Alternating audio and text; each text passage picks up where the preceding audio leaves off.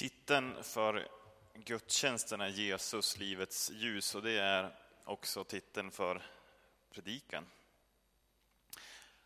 Och att Jesus är livets ljus, ja det säger Jesus själv till fariseerna i Johannes evangelium kapitel 8, vers 12, som lästes här i inledningen.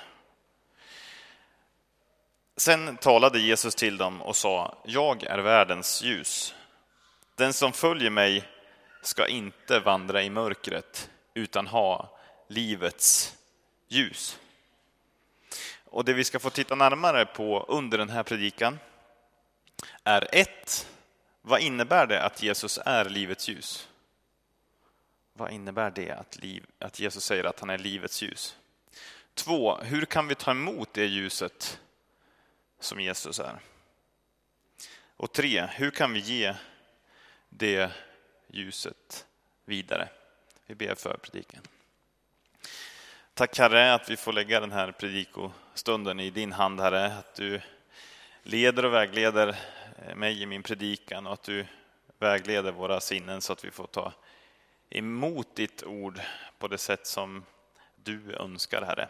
Hjälp oss att se dig i ditt ord Herre, det ber vi om. Amen. Ja, när ljus nämns i Bibeln så används det oftast för att beteckna Gud, Guds ledning, ehm, Guds sanning eller kanske Guds livgivande kraft. Som en symbol, men ofta upptäcker vi att ljuset verkar vara någonting nästan mer än en symbol när det beskriver Gud. Det verkar vara en direkt del av Guds karaktär. Lika mycket som det också är en bild. I Bibelns inledning i Första Mosebok så kan vi läsa när Gud skapar världen att han redan från dag ett skapar ljuset och lyser över sin skapelse. Och det är inte förrän dag fyra som solen skapas. Och vi fick höra om solens beskaffenhet och lite hur stor den är och så där i inledningen. Och den här mäktiga saken som solen är och som genom historien ofta har förväxlats med Gud i många kulturer och religioner. Den är i det stora sammanhanget, i den yttersta verkligheten, sekundär efter det första ljuset som är Gud. Så Gud lyser över sin skapelse redan dag ett och är ljus för skapelsen redan dag ett och inte förrän dag fyra så skapas solen som ljuskälla. Och när sen Johannes i Johannes evangelium ger en alternativ beskrivning av skapelsen så blir det också tydligt att Jesus är världens ljus och att Jesus är Gud. Han vill ju i sin inledning till sitt evangelium koppla samman Jesus med Gud. Att det blir tydligt att Jesus är Gud och Jesus är den Gud som finns beskriven i skapelsen. Han pekar på treenigheten.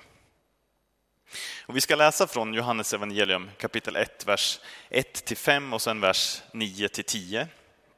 Och det här är ett bibelställe som jag tycker har eh, ganska många sköna eh, meningsbyggnader som man kan stava flera gånger på. Eh, I begynnelsen fanns ordet och ordet fanns hos Gud och ordet var Gud. Det fanns i begynnelsen hos Gud. Ja, det var ju redan sagt, va? men vi får höra det en gång till då, i en annan meningsbyggnad. Och det är väl kanske för att bekräfta för er som stör er på att det upprepas här och skrivs på olika sätt så är det för att det ska landa i oss. Då. Men vi ska först läsa det här bibelstället eh, som det står och sen ska vi läsa en alternativ översättning, eh, eller en parafras eller vad vi ska säga, där vi har bytt ut ordet mot Jesus för att det ska bli tydligare för oss. Eh, eftersom det är just Jesus som åsyftas här när det pekas på ordet. Vi läser det först då som det står. I begynnelsen fanns ordet.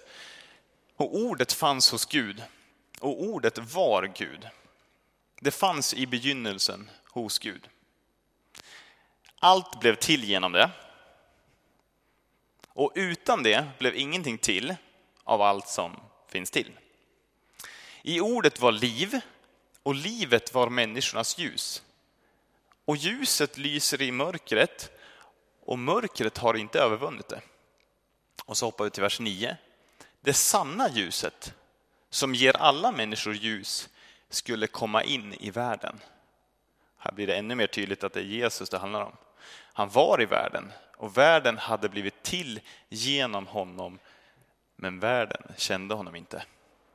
Och nu hjälper vi oss själva lite grann här då i alla meningsdribblingar och så lägger vi in Jesus. Och lite förkortat här. I begynnelsen fanns Jesus och Jesus fanns hos Gud och Jesus var Gud och är Gud. Jesus fanns i begynnelsen hos Gud. Allt blev till genom Jesus och utan Jesus blev ingenting till av allt som finns till. I Jesus var liv och det livet som Jesus gav eller ger var och är människornas ljus. Och strålglansen av Jesus lyser i mörkret och mörkret har inte övervunnit det. Vad härligt. Alltså, Jesu kärlek är större än allt hat och Jesu godhet är större än all ondska. Den yttersta verkligheten är god. Det är det som sägs. Den yttersta verkligheten är god. Den som har skapat allting, där ingenting finns till som inte är av Jesus. Jesus är god, han har skapat allt. Och att den yttersta verkligheten är god, det tåls att läsas om och om igen. Och det tåls att lyssnas till om och om igen. För vardagen, den har oftast ett annat evangelium. Och det är ett evangelium som säger att godhet och vänlighet, det är en ytlig företeelse och ganska naiv. Den yttersta verkligheten, det är egoism och hårdhet.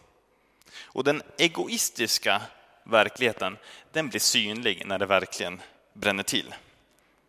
Alltså det går bra att skriva fredsavtal på papper, det kan man göra.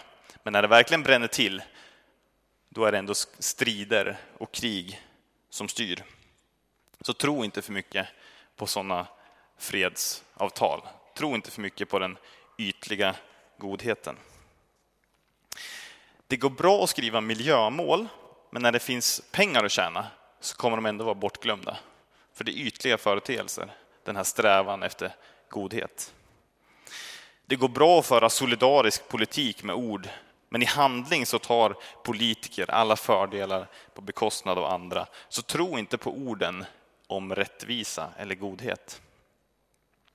Det går bra att hålla sams i familjen tills att ett arv kommer på tal. Då blir det uppenbart vad relationerna var värda.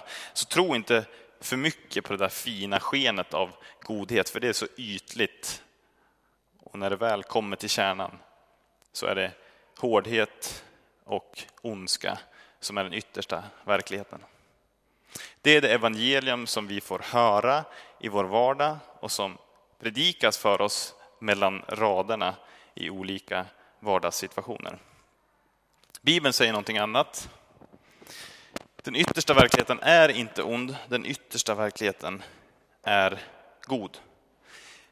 Men Bibeln har en förklaring till varför.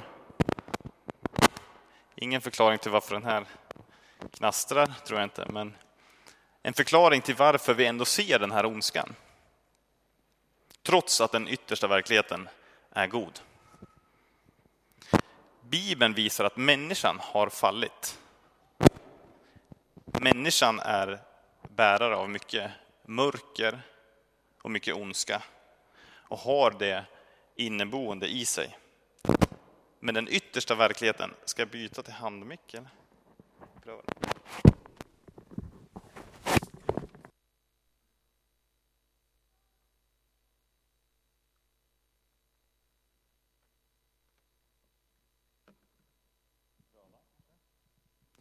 Pröva så. Teknik kan man ju tänka är av ondo. Men det ska finnas något gott i botten där också, har jag fått höra. Eh, Bibeln förklarar att människan har fallit. Och människan är trasig och en syndare. Men den yttersta verkligheten är godhet och ljus. Gud är hel. Gud är ljus. Gud är godhet. Och med det här som bakgrund så kan vi läsa att ljuset lyser i mörkret och mörkret har inte övervunnit det. Och förstå att Jesus är större än det mörker som finns i våra omständigheter. Och Jesus är större än det mörker som vi kan uppleva i vårt eget liv. Så Jesus är det verkliga ljuset vi behöver bjuda in i våra liv för att fördriva mörkret. Och trots att vi ofta ber om förändrade omständigheter, och vi ska be om förändrade omständigheter, så är inte alltid omständigheterna i sig själva en garanti för ljus i vårt liv, eller lycka i vårt liv. Materiellt välstånd, det är ingen garanti för lycka. Hälsa är ingen garanti för lycka. Att hitta en livspartner är i sig själv ingen garanti för lycka. Det enda som ger en djup lycka i människans liv och ljus i våra liv är Jesus. Den samma Jesus som gjorde att Afri afrikanska eh, med, vad ska vi säga, afrikaner kunde lovsjunga Gud på bomullsfältet i Amerika trots deras fruktansvärda omständigheter. Det är den Jesus det handlar om. Samma Jesus som gjorde att Maximilian Kolbe under andra världskriget kunde byta plats med en dödsdömd jude och i det lovsjunga Gud. Det är samma Jesus som det handlar om, som förändrar människan inifrån och som kommer med sitt ljus in i människan trots omständigheter. När vi släpper taget om vårt eget så skiner Jesus med sitt ljus in i våra hjärtan, in i våra liv. Och istället för våra egna kortsiktiga värden så visar han oss eviga värden. Maximilian Kolbe som bytte plats med en dödsdömd jude eh, under andra världskriget hade inte kunnat göra det om han hade sina egna kortsiktiga värden för ögonen. Han hade fått Guds ljus lyst in i sig och han såg eviga värden och därför kunde han byta plats med den dödsdömde. Vi behöver få Guds ljus och vi behöver få Guds perspektiv. För som människor så går vi så lätt efter de kortsiktiga värdena, ibland bara för att det ser väldigt vackert ut. Om vi ska göra en stor flytt och vi ska flytta hela vårt bohag och vi ska flytta hela vår familj över till Amerika, säger vi. Och så ska vi välja en båt att göra den här stora flytten med till ett nytt land. Och så får vi se en liten båt som inte ser så mycket ut för världen, men som vi vet och får förklarat för oss att den båten kommer hålla hela resan ut. Och den kommer vara stabil hela vägen och den kommer vara att lita på. Och så får vi en annan båt presenterad för oss och den är jättestor. Den har stora rum, vackert utsmyckad och alla möjliga bekvämligheter. Problemet är bara att det fartyget är gjort av socker och kommer att smälta och kapsejsa efter bara några meter. Men som människor så är vi lite, har vi lite lätt för att bli lurade av skenet, så då frågar vi. Men det var alltså tre rum vi hade till förfogande här, eller? Och de här ljuskronorna, de kommer vara kvar i taken. Ja, ja, jo, men så, så är det ju. Det är jättestort och jättefint och så, men det kommer ju sjunka efter ungefär 10 meter, det, det är ni medvetna om. Just det, men det är ju rätt stort där ju. Ja, men vi har en båt här borta, den, den, är, den är, ser inte så mycket ut för världen, men den kommer gå hela vägen, den kommer hålla, er familj kommer överleva och ni kommer få med er hela bohaget. Ja, men där var det bara ett, det var bara ett rum sa du. Mm, vi får se. Låter ju väldigt överdrivet, men ibland tror jag att vi tänker så. Vi behandlar våra ägodelar och ibland människor också som om, som om vi bara levde för några år. Ehm, eller som om vi trodde att det var de eviga värdena. Men vi ser att vi behöver leva för en evighet och inte bara för en kort tid. Dr. Phil, som är en psykolog, tror jag, ehm, som får alldeles för mycket tv-tid i rutan, tror jag. Ehm, han brukar säga när han eh, ibland kanske får slut på kommentarer eller inte vet riktigt vad han ska säga till sin patient. You need to take control over your life. Och sen specificerar han kanske det på något sätt, men det brukar vara hans one-liner för att ha lite sådär, eh, få lite kontrast i det han säger. Jesus säger annorlunda. Jesus säger, du behöver släppa kontrollen till mig. För du kan inte ha full kontroll över allt. Du kan inte motsvara samhällets förväntningar. Även om du sätter upp mål med din träning, med dina relationer, mål för ditt yrkesliv, även om du skulle lyckas vara alla klyschor på ditt CV, så är det ändå ingen garanti för lycka i ditt liv. Du behöver komma till mig, säger Jesus. Kom till mig som har ett ok som är skonsamt och en börda som är lätt. Du behöver förstå att det inte är din sak att vara ljus i din egen kraft. För vi har ingen fabrik av godhet.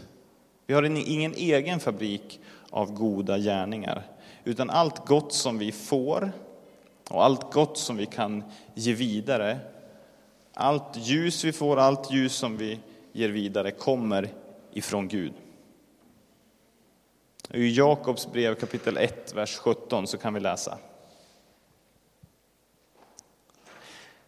Allt det goda vi får, varje fullkomlig gåva, kommer från ovan, från himlaljusens fader, hos vilken ingen förändring sker och ingen växling mellan ljus och mörker.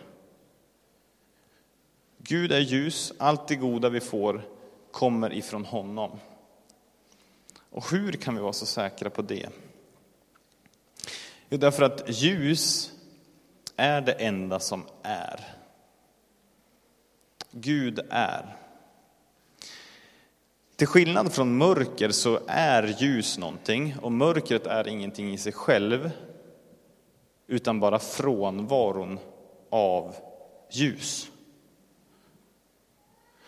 Och det kan vi uppleva i våra egna liv, när vi fyller oss med någonting som vi i botten av vårt hjärta vet inte är av Gud, så får det en eftersmak av tomhet. Varför då? För att det inte är av Gud och allt som inte är av Gud existerar inte och lämnar därför tomhet i våra själar. För det är frånvaron av Gud och Gud är det enda som är. Men när vi släpper vårt kontrollbehov över allting runt omkring som vi gärna vill ha koll på. När vi släpper kontrollen till Jesus som vill fylla vårt inre och som vet hur vårt inre ska fyllas. Då kan han få ändra våra perspektiv så att vi kan få gå i den takt som han har skapat oss till och skina det ljus som han har skapat oss till. Och att vi får ägna oss åt de saker som han vet att vi mår bra av. Och Jesus lyser upp våra hjärtan. Han lyser upp våra hjärtan i bönen. Han lyser upp våra hjärtan i bibelläsningen, i sitt ord. Och han lyser upp våra hjärtan i församlingen. Och vad händer när Jesus lyser upp våra hjärtan? Ja, han ändrar våra perspektiv som vi pratade om tidigare. Den här rädslan för att ge byts ut mot en glädje att få se en vän ha tillräckligt. Han lyser upp våra hjärtan så att vi ser att relationer, det är viktigare än status. Han lyser upp våra hjärtan så att vi ser att när vi hjälper en sjuk så hjälper vi honom. Han lyser upp våra hjärtan så att vi ser att det är mer frid att få betjäna än att bli betjänad.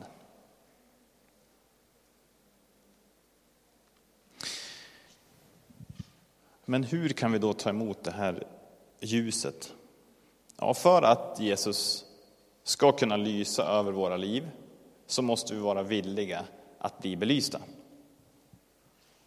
Och vi behöver förstå då att samma ljus som ger oss frid, samma ljus som hjälper oss att se evigheten som vi pratade om, eviga värden, himlen.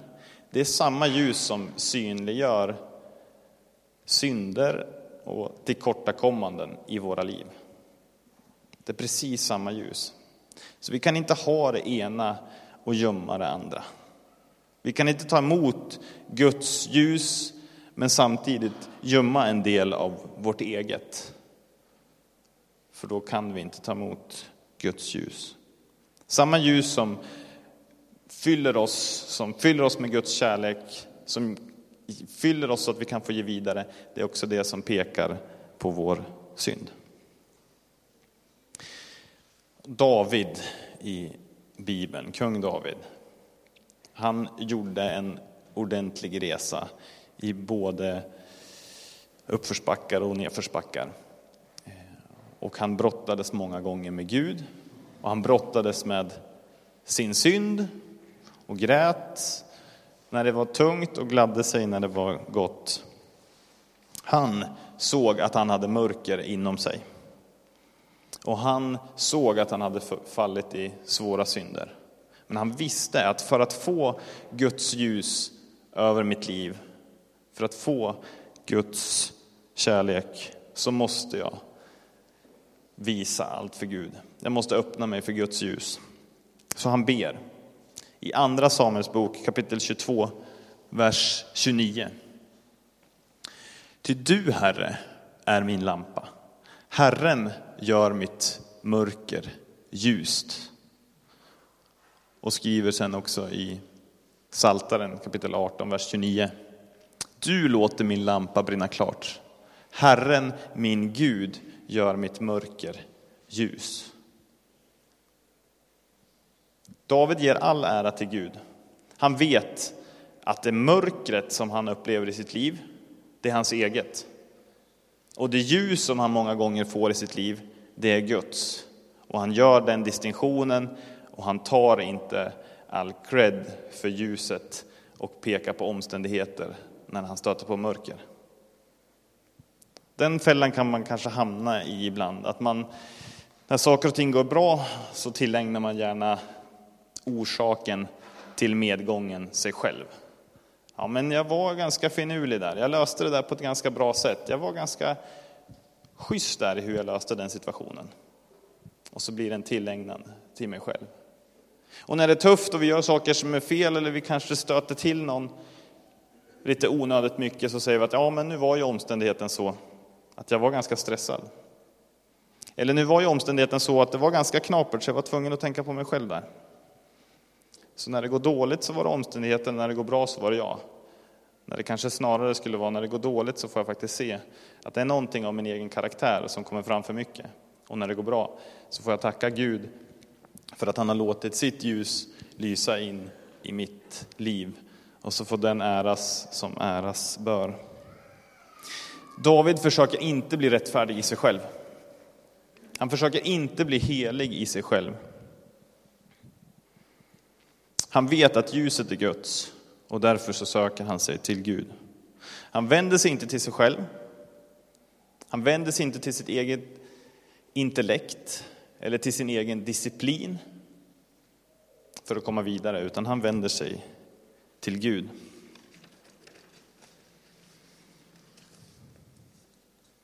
Så för att tillåta Guds ljus i våra liv så måste vi också visa vårt mörker för Gud. och vi behöver bekänna våra synder. Och när Gud förlåter våra synder så låter han också sitt ljus flytta in i vårt inre så att vi kan få lysa Guds ljus för andra. Och det skriver Paulus om i Andra Korintierbrevet kapitel 4, vers 6. Nu har vi fått ta, ta emot Guds ljus här. Och nu så får vi också ge det vidare.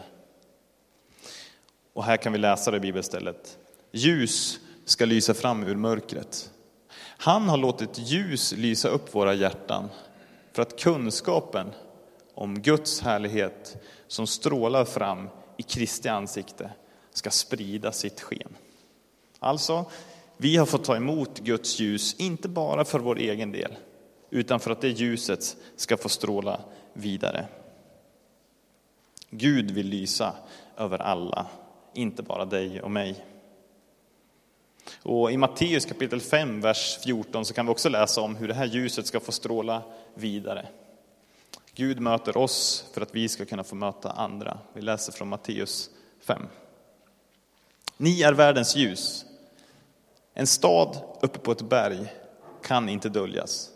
Och när man tänder en lampa sätter man den inte under sädesmåttet utan på hållaren, så att den lyser för alla i huset. På samma sätt ska ert ljus lysa för människorna, så att de ser era goda gärningar och prisar er far i himlen. Så ljuset som vi har fått ifrån Gud ska vi låta lysa för andra.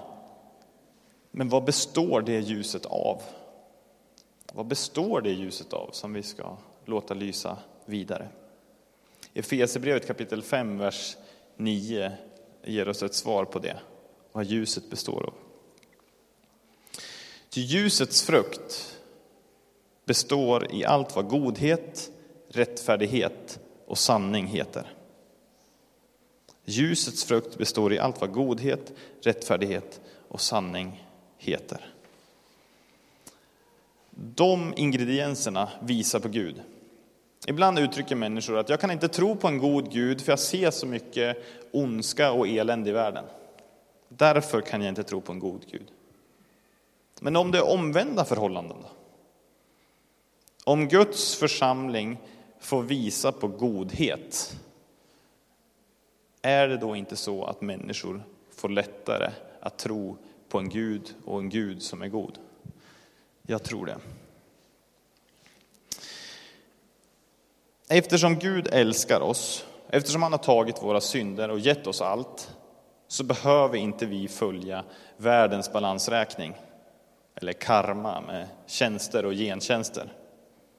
Utan vi kan få vara goda mot människor som inte är goda mot oss och hjälpa människor som inte hjälper.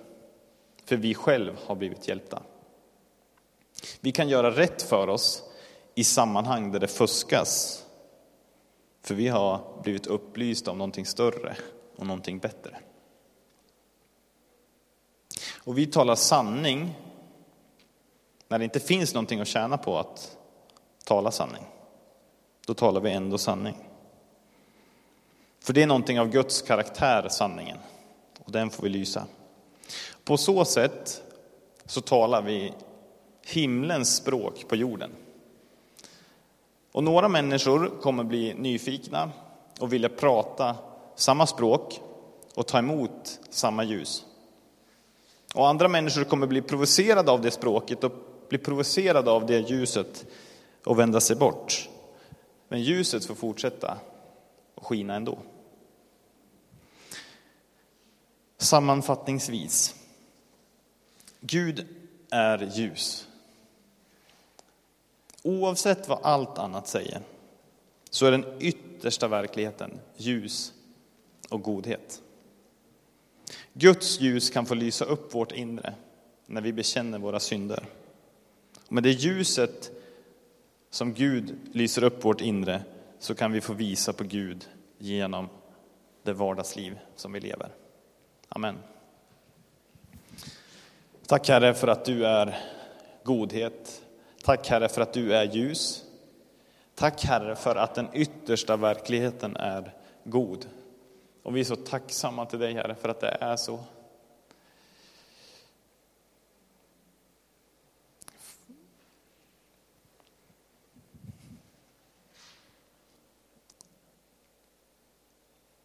För det är inte det som vi ser när vi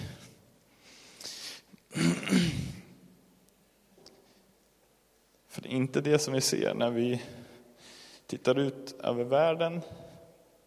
Det är inte det som vi ser.